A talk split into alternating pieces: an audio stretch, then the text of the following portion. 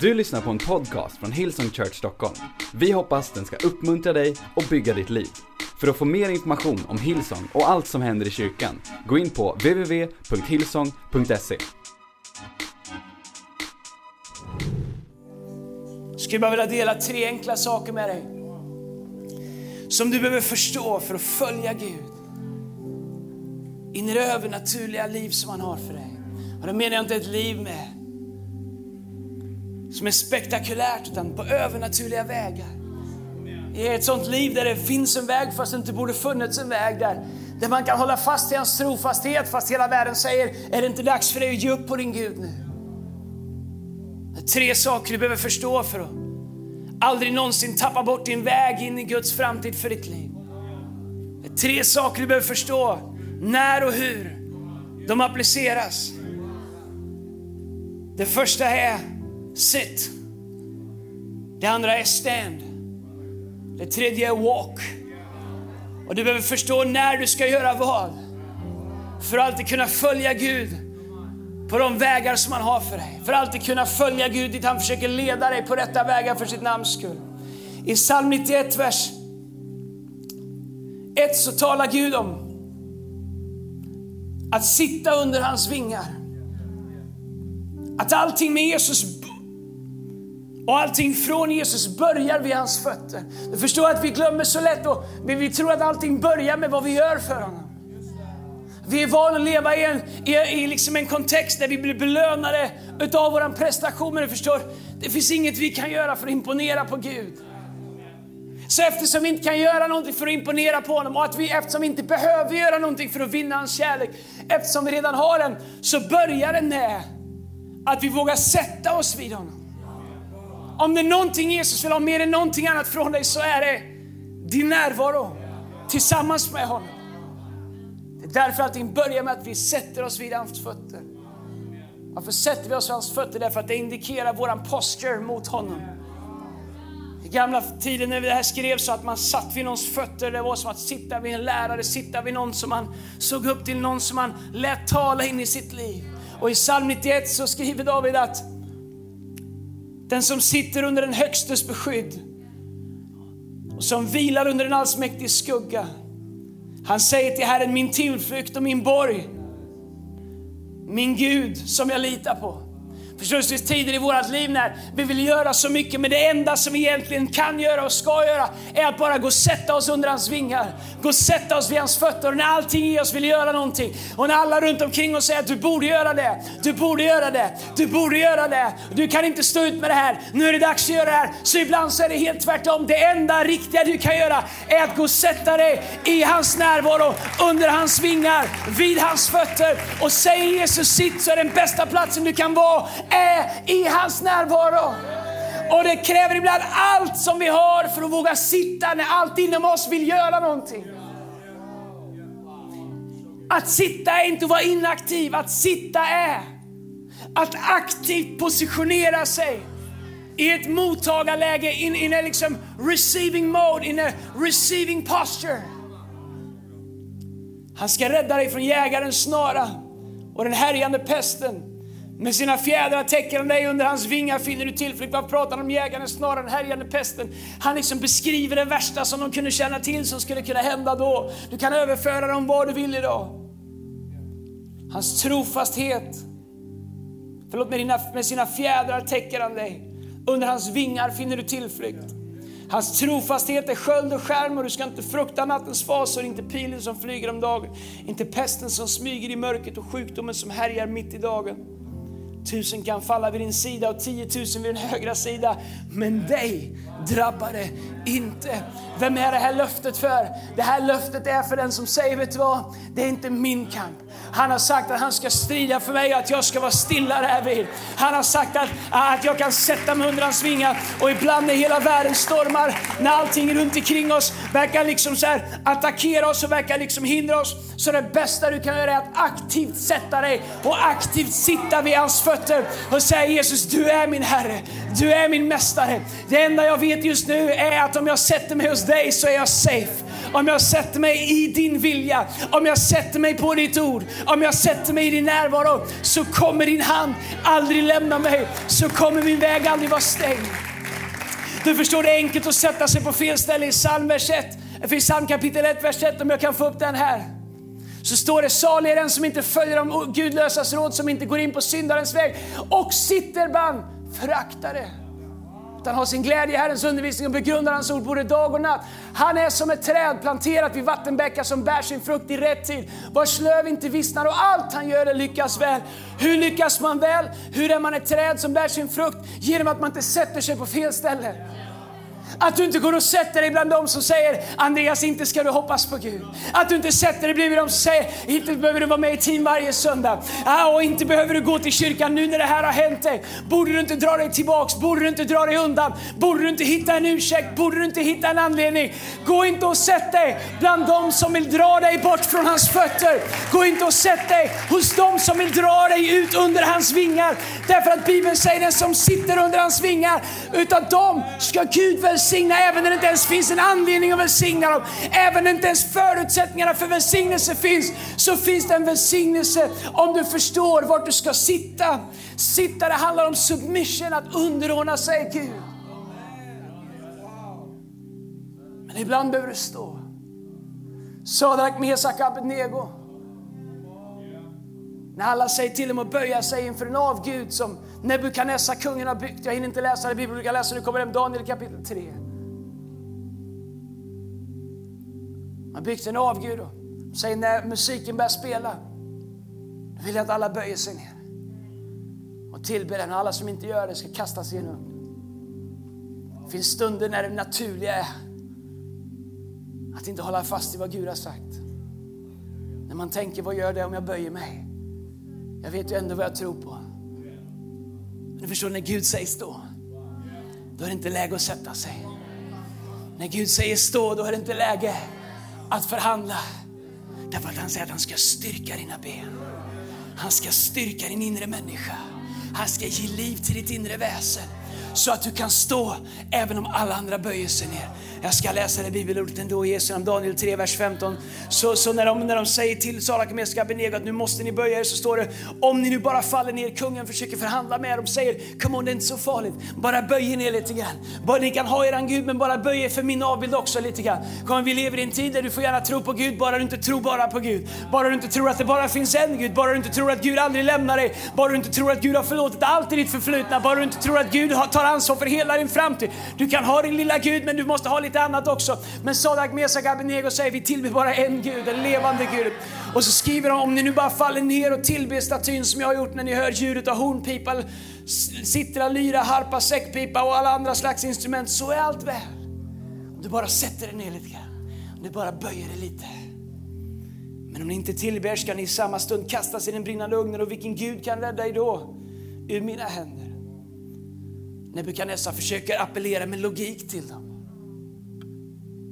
Tre tonåringar, man tror att de är 14, 15, 16 år, står ensamma inför en hel nation. Då svarar Sadrak, Mesak och Abednego kungen, O Nebukadnessar, vi behöver inte svara dig på detta.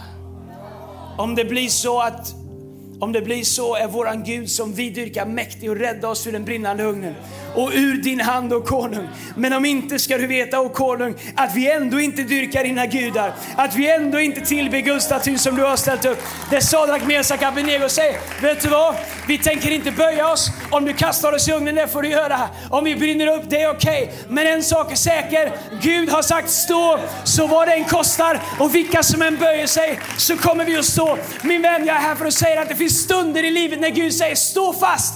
När allting inom dig säger, bara böj dig lite grann. Bara sätt dig ner lite grann. Bara förhandla lite grann. Men Gud säger stå. Och då behöver du titta omständigheterna i ögonen. Och då behöver du svara rösterna och säga, om det än blir så att det är bara jag som står här, så tänker jag inte böja mig. För min Gud, han är mäktig och räddar mig ur ugnen och ingenting. Och det som hände var att när de kastade dem i ugnen, så hettar de upp den och kastar de tre i ugnen. Helt plötsligt säger de, var det inte tre som vi kastade i ugnen? Jo, det var det, säger de till Nebukadnessar, varför ser jag då fyra personer där inne och den fjärde ser ut som en gudason? Du förstår när de kastar Sadrak, Mesak, Abednego i ugnen så var de inte ensamma. De stod för Gud, ensamma inför kungen, men de stod tillsammans med Jesus i ugnen. De böjde sig aldrig och Jesus själv stod med dem i ugnen. Du förstår, du måste förstå att det finns en tid när du måste leva efter din conviction.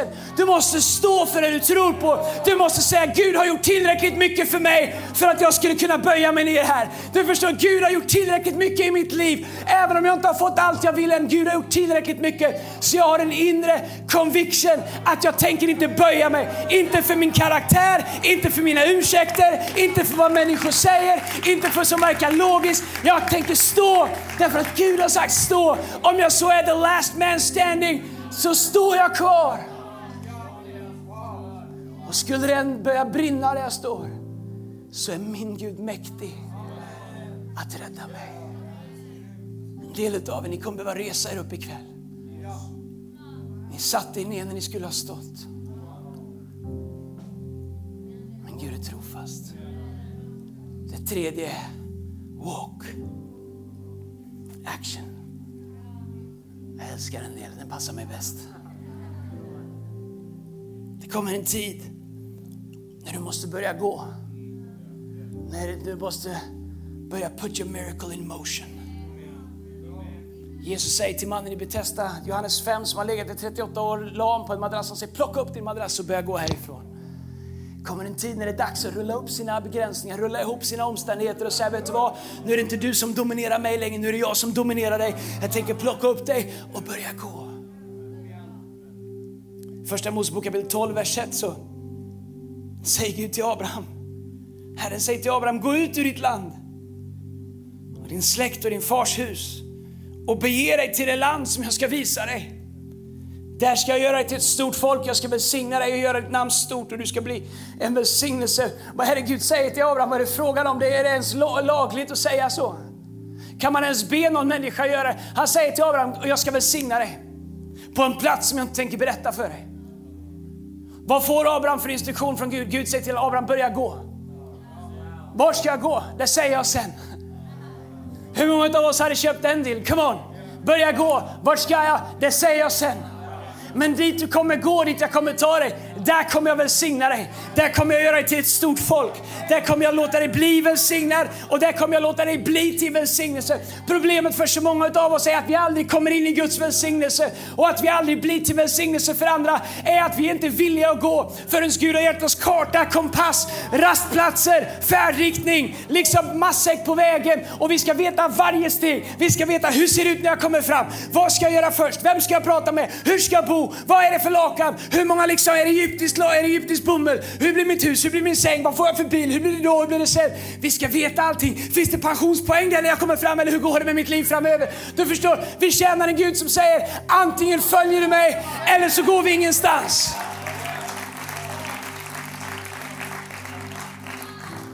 Gud säger till Abraham, kom Abraham, bryt upp ifrån allt du känner till.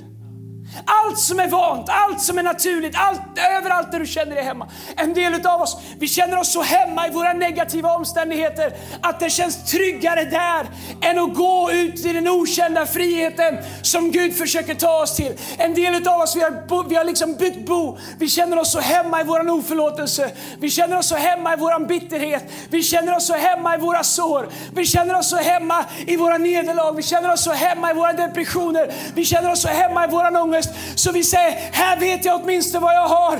Där Gud vet jag inte vad som finns. Men nu förstår, jag, jag är övertygad om att här ikväll säger Gud till människor, det är dags att lämna det du känner till för att följa mig in i det jag ska visa dig. Det finns en välsignelse om du följer mig dit jag visar dig. Men varför måste det vara så? Därför att allt Gud vill ha ifrån oss är inte felfrihet, är inte färdighet.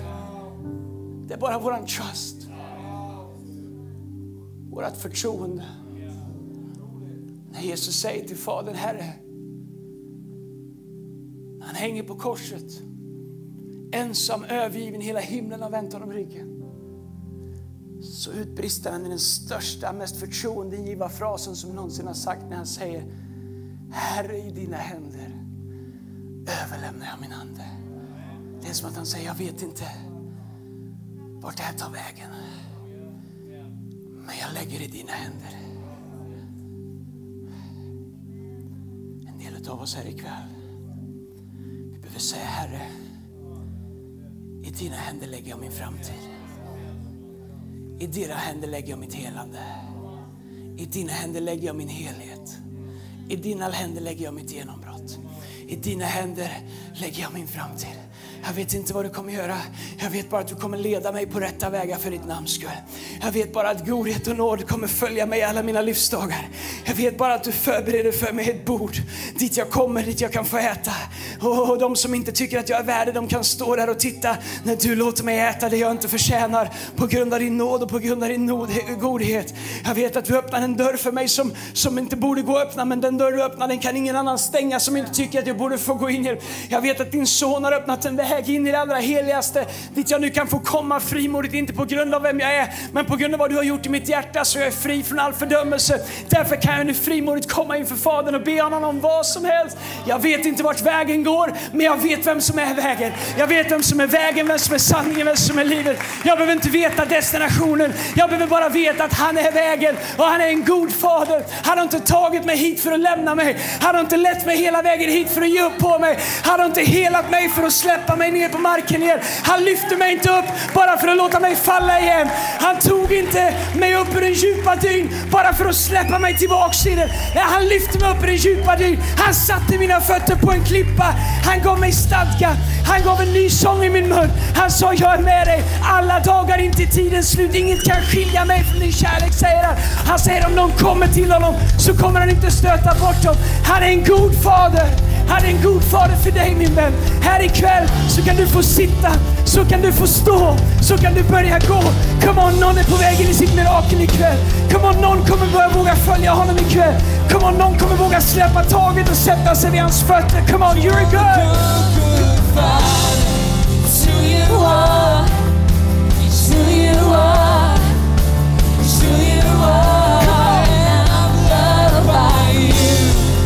who I am.